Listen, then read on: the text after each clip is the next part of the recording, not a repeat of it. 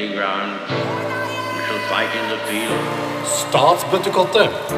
Mr. Gorbachev, Mer demokrati, mer åpenhet og mer Statsbøttekottet. Hei og hjertelig velkommen til Statsbøttekottet med meg, Isak og Konstanse. Dette er en av totalt fire episoder i Pensumpod Pol 1000 for IP og UP. Dette er en podkastserie som skal forsøke å oppsummere pensum i faget. Vi vil også minne på at disse episodene kun er et supplement til, og ikke en erstatning av lesing av pensum og forelesningene som blir holdt i faget.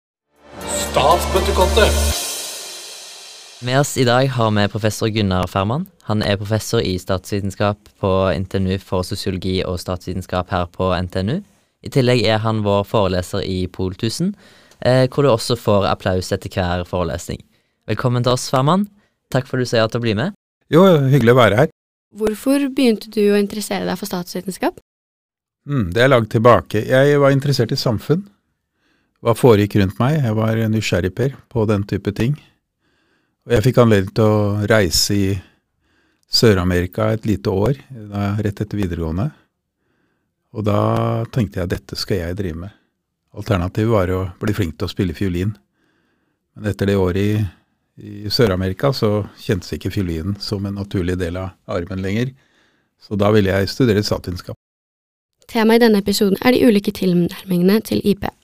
Kan du først forklare oss hva som kjennetegner de tre ulike hovedtilnærmingene til internasjonal politikk? Ja, det skal jeg gjerne gjøre, fordi det skylder jeg dere, og dere skylder å ha lest om det selv, de som skal ta eksamen også, men dette kan ikke gjentas for ofte.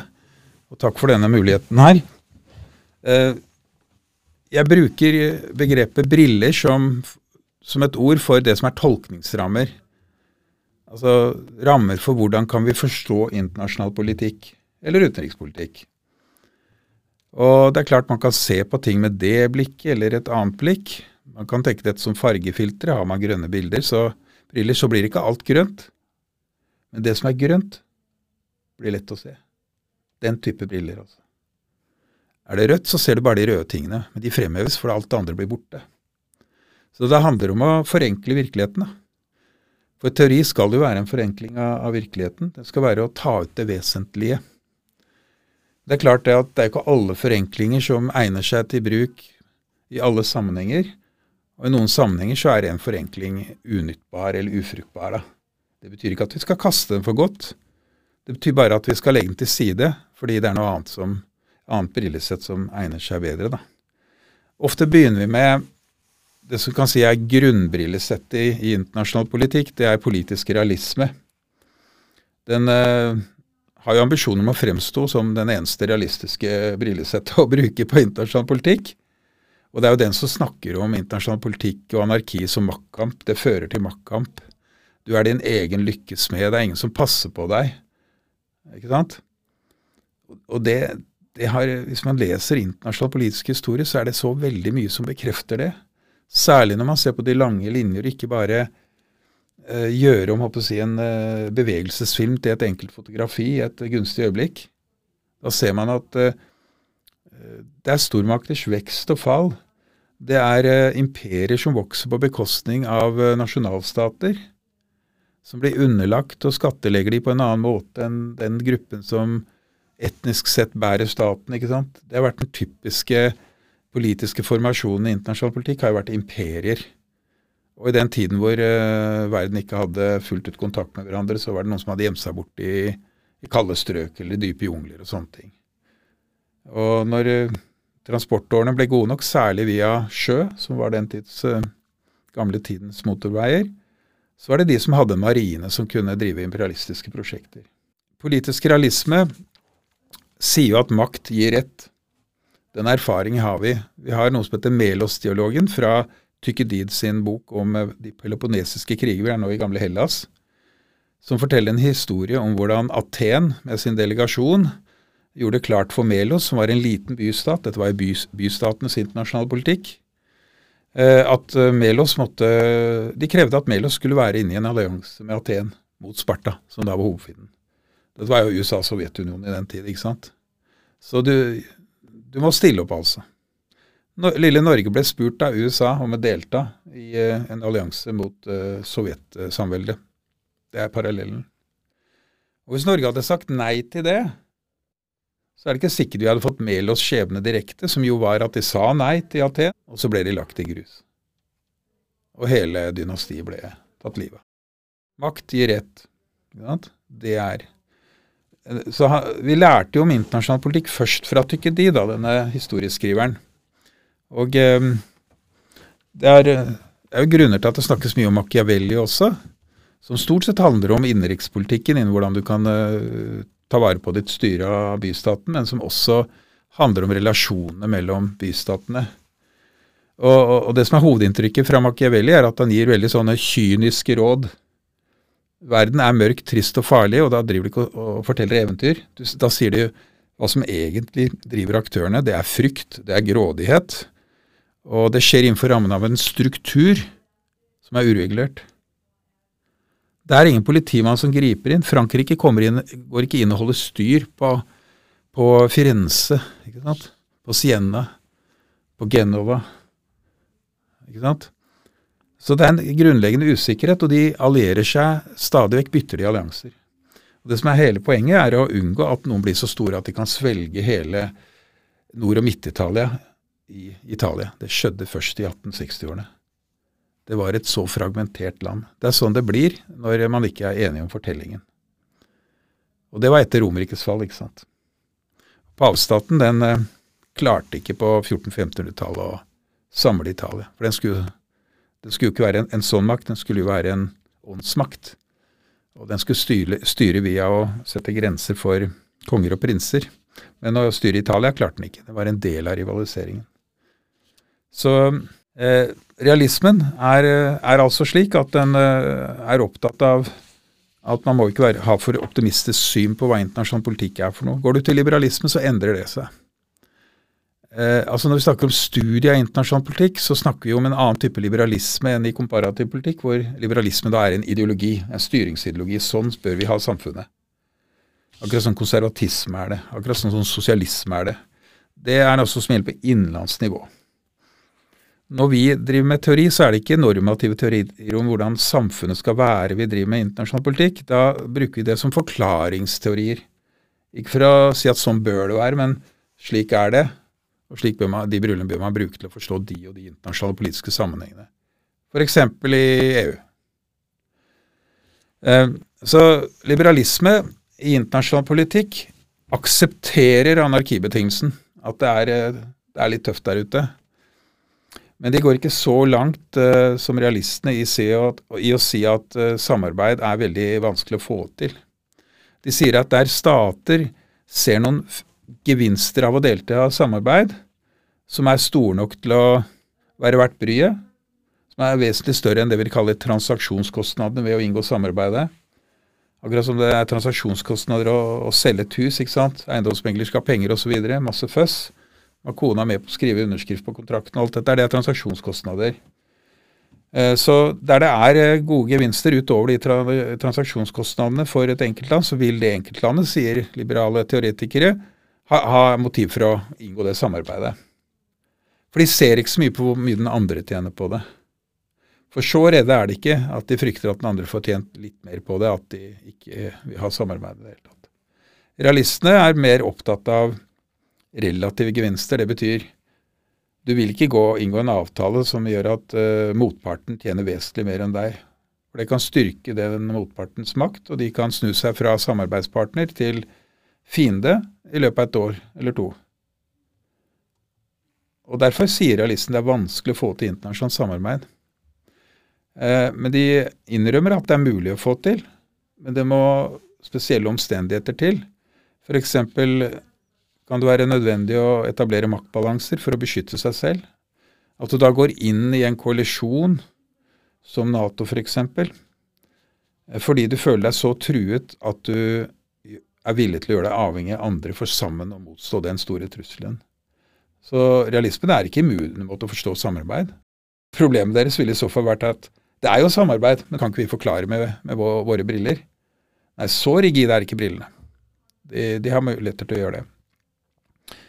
Liberalistene forklarer mer samarbeid, også der det er uh, ulike størrelser på gevinstene på de ulike partene. Fordi ja, anarki er et problem, men det er ikke så akutt og prekært og overskytbelagt som realistene legger opp til.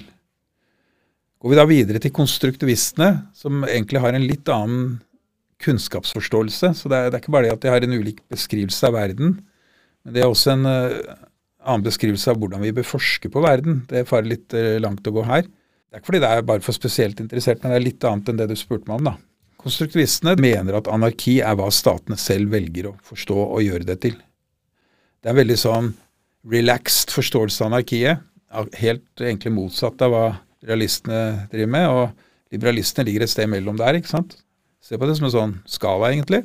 Continuum. Og, og, Grunnen til at de kan si det, er at de fokuserer på andre, andre faktorer og variabler. De ser på normer og identitet og selvforståelse og muligheten til å konstruere nærmest nye verdener gjennom språk og måten man snakker på og måten man uh, forhandler på.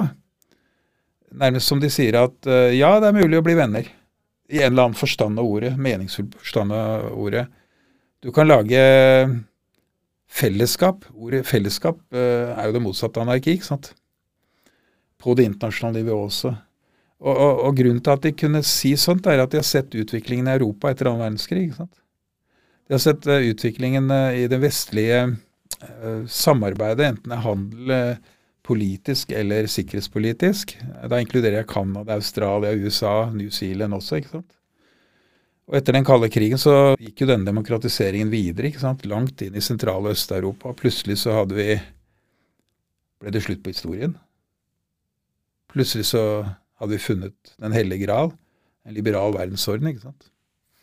Plutselig var ikke grenser interessante lenger. Plutselig så kunne man lage flerkulturelle fellesskap uten at man så motsetningen i selve ordet. Eh, ikke det at det nødvendigvis er et problem med flerkultur, men noen ganger så er verdien uforenlig. Og da må du sjekke liksom og se. Høste noen erfaringer og se litt historie. Så det var globalismens tidsalder som kom, kom inn som en kombinasjon av liberalisme og konstruktivisme. Troen på at vi mennesker, vi politikere, de var nesten hypnotisert av denne muligheten til at de kunne forandre verden. Det er den generasjonen jeg hørte til, som løp ned og så muren falt. Tok med seg en uh, betongmurstein fra muren i Øst-Berlin. Jeg var ikke der. Jeg var andre steder. Men, uh, så den har levd nå i 30 år. Det har vært hele deres liv, på et vis. Og det jeg viser i undervisninger, er at det er en av flere tolkningsrammer. Og det vi må gjøre, er å skjønne når vi skal bruke hammer, spiker eller sag eller whatever fra verktøykassen, hva kan egne seg til å belyse denne tidsperioden, eventuelt denne regionen? ikke sant? For dere skal jo ut eh, og ikke være full, full av eh, studie i internasjonal politikk som en ideologi om ting, hvordan ting skulle være, burde være. Altså være superglobalister og internasjonale liberalister og konstruktivister og tro dere kan fikse på alt uten å ha vært og rundt og sett. Nei, dere skal ha litt sånn ydmykhet. Tror jeg Vi er kommet til en tid for ydmykhet, hvor vi styrer ikke verden lenger. Nå må vi være veldig kloke med hvordan vi bruker ressursene våre, og da må vi bruke riktig Finne balanser og finne et eh, brillesett som skaper den balansen. Da. Og Jeg tror at det handler om, og det er normativt selvfølgelig, nå snakker jeg litt som borger også, men også som fagmann samtidig, fordi jeg ønsker en fredelig verden, og det tror jeg det er lov å, å få lov å ønske. Vi er ikke politiske aktivister hvis vi ønsker det. Vi kan ikke være naive om forutsetningene. Og Da tror jeg vi må ha en, de, en, en dose av realisme her inn nå, som en motvekt til uh, denne hybris, denne troen på, på at du kan uh, forfølge en utopi. En utopi er jo ikke en utopi før vi ser at det mislykkes. Men vi har vi hatt fascistiske utopier, nazistiske utopier, og vi har hatt uh, liberale utopier. Altså intervensjonspolitikk, sånn som vi driver nå, det funker ikke lenger. USA klarer det ikke, det er én ting. En annen ting er at du får så mange motstandere av det. ikke sant? Så det er ikke slik at verden venter på å bli som oss. Det er eh, Hvis ikke det er eh, merverdikomplekser, så vet ikke jeg, da. Eh, bare se på demografien, befolkningsutviklingen osv. Så, videre. så det vi trenger, er liberalisme for å se mulighetene for samarbeid. Vi trenger konstruktivisme for å se muligheten til å forandre hvordan også selv men ikke alltid bare de andre. Du skal alltid forandre de andre, andre for å bli som oss. ikke sant? Det er, det er biasen vår. ikke sant? Um, men i mange tilfeller så må man tenke om igjen og gå i kjelleren og se om man kan få noe til med folk som burde være naturlige venner. Så man kan få skape fellesskap av. Jeg snakker om Norden, jeg snakker om deler av EU, hvis man uh, kvitter seg med hegemoniambisjonene. Og ikke lager en løsning som skal passe alle. Sånne ting. Eh, jeg snakker også om at realismen må til i forhold til andre makter som vil en vondt. Samtidig må man skjønne at realismen er ikke noe sånn invitasjon til nå skal vi bruke masse våpen. Den er tvert imot langt mer forsiktig med det. Noen tror det handler bare om krig. Det handler om å unngå krig. Det er det som er hele poenget med realismen. Maktbalanse. Så er man ikke fornøyd med det, og så tror man at man kan vinne den andre over. Og hvis man ikke kan det, så slutter man å lage våpen. Og så kan det hende at den andre overtar en selv isteden. Fordi de deler ikke det tankesettet i det hele tatt. Jeg tenker på Kina, ikke sant. Hvilket tankesett har de? Det er ikke vårt, altså. Russerne har et, en, en, erfaring fra Djengis Khan. ikke sant? De har kjempet om livet som stat i hundrevis av år. Kina vente seg til å være imperium som gikk på trynet i 1911, og som er så sint og så skamfull og selvpiskende og så aggressiv at de skal unngå det for enhver pris. Hva er det med Europa, da?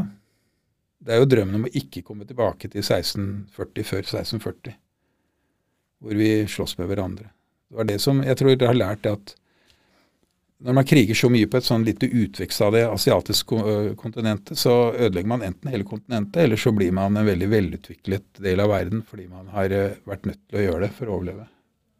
For meg blir det et stort spørsmål om EU skal fremstå som et imperiebyggende prosjekt i falske klær, eller om det skal komme inn en litt sånn Det er, det er konstruktivisme. Det å tro at du kan skape om internasjonal politikk når hele EU har gått fra å være 22% av verdensproduktet til å nå være nede på ja, 13-14% Og den veien fortsetter ned, ikke sant. Så, så må man simpelthen uh, begynne å være litt edruelig. Litt mer realpolitikk må man ha. Så er det en, en, ting jeg vil gjerne vil nevne, og det er noe som heter verdenssystemanalyse. Det hører liksom til innenfor denne marxistiske delen av, av analyseverktøykassa. da. Og da snakker man om sentrum-periferiland, eh, og hvordan sentrumslandene er eh, de mektige liksom, kolonimaktene. Enten er det nykolonialisme med USA, eller, eller var gamle dagers uh, okkupasjon av territorier og sånn. Portugal, Spania, Storbritannia, Frankrike, Holland. Eh, og så snakker de om hvordan da sentrumslandene klarer å erobre periferien og dominere den. Det gjør man gjennom å lage et brohode i periferilandene som da samarbeider med en elite, da. Gjorde en elite ofte. Som da utbytter periferien i periferien. da. Og de får jo en del av kaka, selvfølgelig, og så leveres resten oppover. Og hvis eliten ikke samarbeider i periferilandene, så blir de byttet ut gjennom kutt på kanonbåtdiplomati. Det er liksom måten de brillene ser på, da. Så er det også sånn at det er en periferi og elite eh, Sentrum kaller de det. En periferi og sentrum også i, i eh, sentrumslandene. Og, og, der ser du at eh, periferien har en større del av kaka i sentrumslandene enn man tilsvarende har i periferilandene. Altså utbyttingen er litt mindre, da. Eh, men de ser fortsatt at dette er en arbeiderklasse som ikke får det de skulle fortjent. da. Så det er dobbel utbytting av egen befolkning, også av eh, andres befolkning gjennom et sentrum, en elite, i periferilandene. Hvis vi tar for oss typologien makt, hvilken type makt vektlegges av de forskjellige tilnærmingene? Det er jo et interessant spørsmål. La oss si at uh, makt er uh, ofte relasjonelt forstått som A sin evne til å få B til å gjøre hva B ellers ikke ville gjort. Enten gjennom tvangsmakt eller overbevisningsmakt. Det er gitt en definisjon, og så er gitt en typologi at det finnes to typer makt. Tvangsmakt og overbevisningsmakt må si litt om begrepene før vi eh, viser hvor de hører mest hjemme. da. Eh, så kan det også skille mellom relasjonell makt, som vi har snakket om nå, A's evne til å osv., eh, og strukturell makt. Strukturell makt er, er et regelverk, noen rammebetingelser, som ligger der i bakrommet og styrer hva stater, individer eller grupper er i stand til å gjøre, og som er innenfor mulighetsrommet deres for å gjøre. F.eks. de av dere som ikke møter opp til eksamen på riktig dato, får ikke ta eksamen. Det er en struktur. Så enkelt som det. Den er upersonlig. Du ser det sånn, øh, Når du skal få kuen inn på båsen, så går det gjennom de og de passasjene. For det er det lagt opp fysiske sperrer og åpninger for å gjøre. Eh, Og sånn fins det masse av i alt som kaller seg samfunn, til og med på en tur i skogen. Er det sånn? Det kaller vi strukturell makt, og det er marxistene veldig opptatt av. Og når eh, Black Lives Matter, det som kalles også woke, som innbefatter mer enn det jeg nevnte der, lik det eller ikke lik det, det er ikke poenget her. Når de snakker, så er det ofte ut fra et strukturelt maktbegrep. Altså maktutøvelse man ikke ser, da. Ehm, problemet det er at eh, kan du ikke påvise makt, så, så er det ikke sikkert man, det er en maktstruktur som virker som man sier. Og det gjelder uansett fra høyre eller venstre hva man sier. Så strukturell makt må jo også belegges, da, rett kunnskapsmessig. Hvordan virker det? Og så må vi kunne måle det, så må vi kunne sannsynliggjøre det. ikke sant? Eh, Så det er jo relasjonell makt og strukturell makt. Og så har vi skilt mellom eh, overbevisningsmakt, som er å overtale. Eh, Du endrer en stat eller en person sin oppfatning om en ting, og får dem til å endre standpunkt. Dette er i din interesse også, fordi, fordi, fordi. Eller hvis du ser det slik, i det lange løp snarere enn det korte løp, altså kortsiktig, mellomlangsiktig og langsiktig. Og det er ikke urimelige argumenter. Det er ikke bare for å forføre man kan bruke sånne argumenter, men det er simpelthen for å avklare en persons egne interesser. Og sånn driver mann og kone hele tida. Eh, Så kan man skille mellom økonomisk og militær og politisk makt. Du kan godt putte inn eh, soft power, soft power og hard power. Um, Joseph Nye har en bok om soft power, og det har i høy grad med overbevisningsmakt å gjøre. At du bruker erkjennelsesdreiende teknikker for å få vedkommende til å endre posisjon, stat f.eks. Um, og hvis du der, dertil klarer å få en stat til å endre Snakker om ledere av stater til å endre uh, identitetsoppfatning, til å bli europeer, i verste fall eurofil, altså ubetenkt europeer, Uh, så, så, så vil, vil den personen på mange måter føle seg veldig hjemme i, i um, europeiske fortellinger da, om hvordan eh, ting skal gjøres. Og det vil ikke lenger føles så vondt å tilpasse landet til, til det, fordi eh, hans eller hennes interesser er, eh, for, forstås ut fra en annen oppfatning om hvem vi er, eventuelt bør være, ikke sant. Det kan gå så dypt, og da er vi inne i en konstruktivistisk tankegang. Det klarer ikke realister å forklare. Det klarer ikke eh, liberalister å forklare. Liberalister kan si at her er det nye normer for samarbeid. Det er veldig bra for å unngå en krig i Europa. Det er veldig bra for å få til eksportfremmende tiltak, sånne ting. Det er veldig bra for å få polske arbeidere inn i norsk arbeidsliv. Så nå rømmer landet pga. kronekursen, by the way. Det er ikke sant, sånne, sånne nyttige argumenter, da, som er helt legitime, selvfølgelig. Men når det ikke holder, så må man ty til konstruktivistiske verdier. Er vi ikke solidarisk med Europa f.eks. når det gjelder EU-spørsmålet? Uh, og, og da vil man, når man ser det som en del av vårt store vi, og til og med når det blir globalt, som er egentlig helt utopisk, da har man ikke vært ute og reist og sett forskjellene, uh, så vil det være mulig å f.eks. legge om det norske kraftregimet. Fordi, ikke fordi det er til norske interesser, men fordi at våre interesser nå omfatter mer enn norske interesser. Da er du blitt en internasjonal statsmann eller statskvinne. Og det er ganske skremmende, egentlig. Ehm, Så her har jeg gjort litt av hvert. Jeg har eh, drevet eh, ren politisk påvirkning i det siste jeg sa. Men jeg har brukt noen argumenter som er hentet fra det jeg ble spurt om. Har man, eh, har man klart å endre identitetsoppfatning, selvoppfatningen til en stat, til å være mye større enn staten selv, så er det mye mer som kan svelges unna av utenlandsimport. Idéimport, politiske regler, eh, lover, eh, whatever, ikke sant. Og Det er det jeg av og til lurer på om har skjedd med Erna Solberg og, og Støre. At de er blitt så europeiske og så globale at, eh, at eh, de ikke klarer å se at eh, norske interesser har forrang i en del spørsmål. Da. Særlig ikke etter å ha rådført seg i Brussel.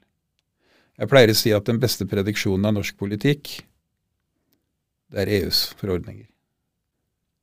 Og det slår til nesten hver gang, når det gjelder viktige ting. da. Men nå har dere skjønt litt hva makt er for noe. Det handler ikke bare om å tvinge noen til noen. Det handler ikke bare om å tvinge noen til noen gjennom å bruke kanonbåter, eller å, å bruke eh, belønninger økonomisk, eller straff økonomisk, sånn som vi prøver med Russland. Men det handler jo også om å prøve å overtale, til og med overtale at vi er i samme båt, at vi alle er europeere. Og da endrer også vår rangering av interesser og løsninger. Ser du den? Og Da er vi langt inne i politisk psykologi. Hva er det i hodene til lederne våre? Hva har de blitt sosialisert inn i? Når de har vært på franske, øh, franske universiteter, og når de har øh, møtt, øh, sittet åtte år ved makten som Erna Solberg og har vært mye i utlandet. Jeg har selv vært mye i utlandet, ikke som leder selvfølgelig. Og, og jeg har sett hvor mye det er å være imponert over. Det som alltid hjelper da, det er å gå tilbake til realismeforståelsen og en litt sånn moderat forståelse av den menneskelige natur. For simpelthen ikke bli så imponert at man bare åpner godteriposen, og så gir man det fra seg. Det kalles for gullible. Statsbøttekottet. Dette var en av fire deler av Pensumpod for Pol 1000 i IP og UP. Avslutningsvis lurte vi på om du har noen generelle tips til eksamen eller eksamensperioden? Ja, de skal jo egentlig røpe på oppsummeringsforelesningene, da. Men eh, jeg skal med vekt på generelle tips. Så, så har vi det sånn at alt det vi har gjort, peker frem mot at det skal være nyttig i forhold til eksamen. Vi skal ikke prøve å ha lureoppgaver eller noe sånt nå. Vi er ikke opptatt av det. Eh, jeg tror det der å gå gjennom øvingssettet er en veldig god strategi. Jeg vet jo det skjer nesten overalt. Jeg har en sønn som studerer finans på BI, og, og der er det sånn. Ikke i like stor grad er det sånn med oss. Det, vi skal jo støvsuge litt, litt mørkere kroker av pensum også. Vi, vi, vil at folk skal lese boka, simpelthen. Eller bøkene. Det er en fordel. Men uh, skal dere operasjonalisere det og få det opp på en form som ligner eksamensoppgavene, så er det øvingsoppgavene. altså. Det er synkronisert. Ikke i den forstand at det ikke kan være et spørsmål eller to utenom øvingsoppgavene. Det kan være reformuleringer. Det kan være det kan være med et annet eksempel, eksempel f.eks. Istedenfor å snakke om makt, kan hende man snakker om uh, fred i de ulike teoriene. ikke sant? Den type sentrale begreper. da. Hvordan ser det ut gjennom ulike briller? Og noen har jo gjort uh, denne maktøvelsen, var det ikke det en av oppgavene? Semesteroppgavene var slik. Uh, prøv å kombinere ulike ting. tenk at det er, det er jo KP-oppgaver, ikke sant? Og så er det IP-oppgaver, og så er det innenfor det også UP-oppgaver. Alt dette er representert i de to oppgavesettene, som er to ganger fem oppgaver. Det er ti oppgaver til sammen. Tenk. News. Første gang jeg sier det på ordentlig. Det er bestemt nå, da. Mine er laget. Men det er også slik at det kan være oppgaver av litt sånn grunnlagsproblemer. Hva er nå det for noe? Jo, det er sånne ting Når vi bruker ordet 'forklare' et eller annet, det er noen her som kan forklare hva en forklaring er, f.eks.? Det er grunnlagsproblemer. Det er sånn vitenskapsteoretiske begreper, da. Det jeg sier er at du har tre etasjer i måten vi snakker på. Det ene er data, nå snakker vi om elektron. Og når vi snakker om brillene, er vi i annen etasje. Data er første etasje. Det er eh, måter å se dataene på. Men så har vi én etasje over der, og det er eh, vitenskapsteorien. Det språket vi bruker der, det er sånn struktur, aktør Det er hva Hvordan definerer du en forklaring? Hvordan vet du at noe er forklart, liksom?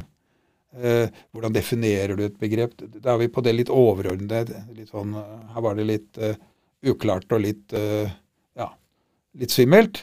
Men så skjønner man at det er jo for å skjønne hva vi forklarer under der, og så putter vi inn kjøttet der i prosessoren, og så skjønner vi hva vi driver med. Så det kan være sånne Definisjonsspørsmål er jo litt sånn, da. Det er sånn definisjoner, typologier, og hva er en teori, f.eks.? Hva er en forklaring? Grunnen til at vi kan ha med sånne ting. Ofte bare én. Kanskje to av ti. Det kan skje. Det er fordi at det er, har dere så nytte av når dere går videre. ikke sant? Det er fellesstoffet, det. ikke sant? Og Det er jo et innføringssøvn, så det er litt ålreit å minne dere på den der litt svimle tredje etasjen innimellom, uten at dere får høydeangst. Bare gjør det til Pust dypt inn, ut. Ja, det er fire definisjoner av en forklaring. Det er fire elementer i en forklaring. Du kan lære seg det. Det er eh,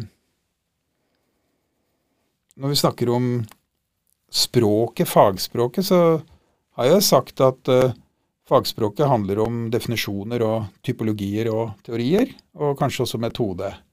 Hvis vi kaller de ordklasser, da, for å overføre det fra grammatikken, så, så er det jo det vi bruker å sjonglere med, da, ikke sant. Og skal brainwashe dere så grunne bare kan det, da. I ordets beste mening, selvfølgelig. Men det er jo for å studere de tingene, for å vite hvilke brillesett vi skal ta på så hva vi gjør med det, og, hvilken empiri vi skal se på her, da. Så det gjør at dette ikke er en etatsskole eller videregående skole. Og hvis dette er vanskelig, så er det ikke noe rart, fordi Men jeg gjør det vanskelig med en gang, jeg, da. Slik at dere fortere skal komme inn i det og få B-er og A-er på senere nivå, ikke sant. Det er hele poenget.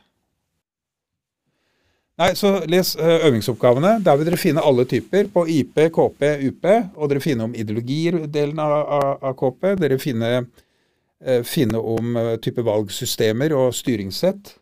Og litt om politisk kultur. Dere vil finne om eh, eh, de tre de tre-fire teoriene vi har om de relevante begrepene. I det hele tatt, bruk øvingssettene. Begge to. IP-KP. Det høres eh, veldig bra ut. Tusen takk for praten, Ferman. Eh, denne samtalen har i hvert fall hjulpet meg veldig. Eh, likevel må vi minne på at disse episodene kun er et supplement til, og ikke en erstatning av lesing av pensum og forelesninger som har blitt holdt i faget.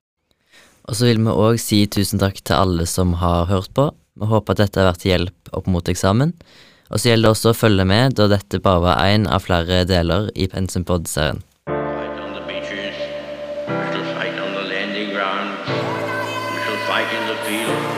Statsbøttekottet. Mer demokrati, mer åpenhet og mer Statsbøttekottet.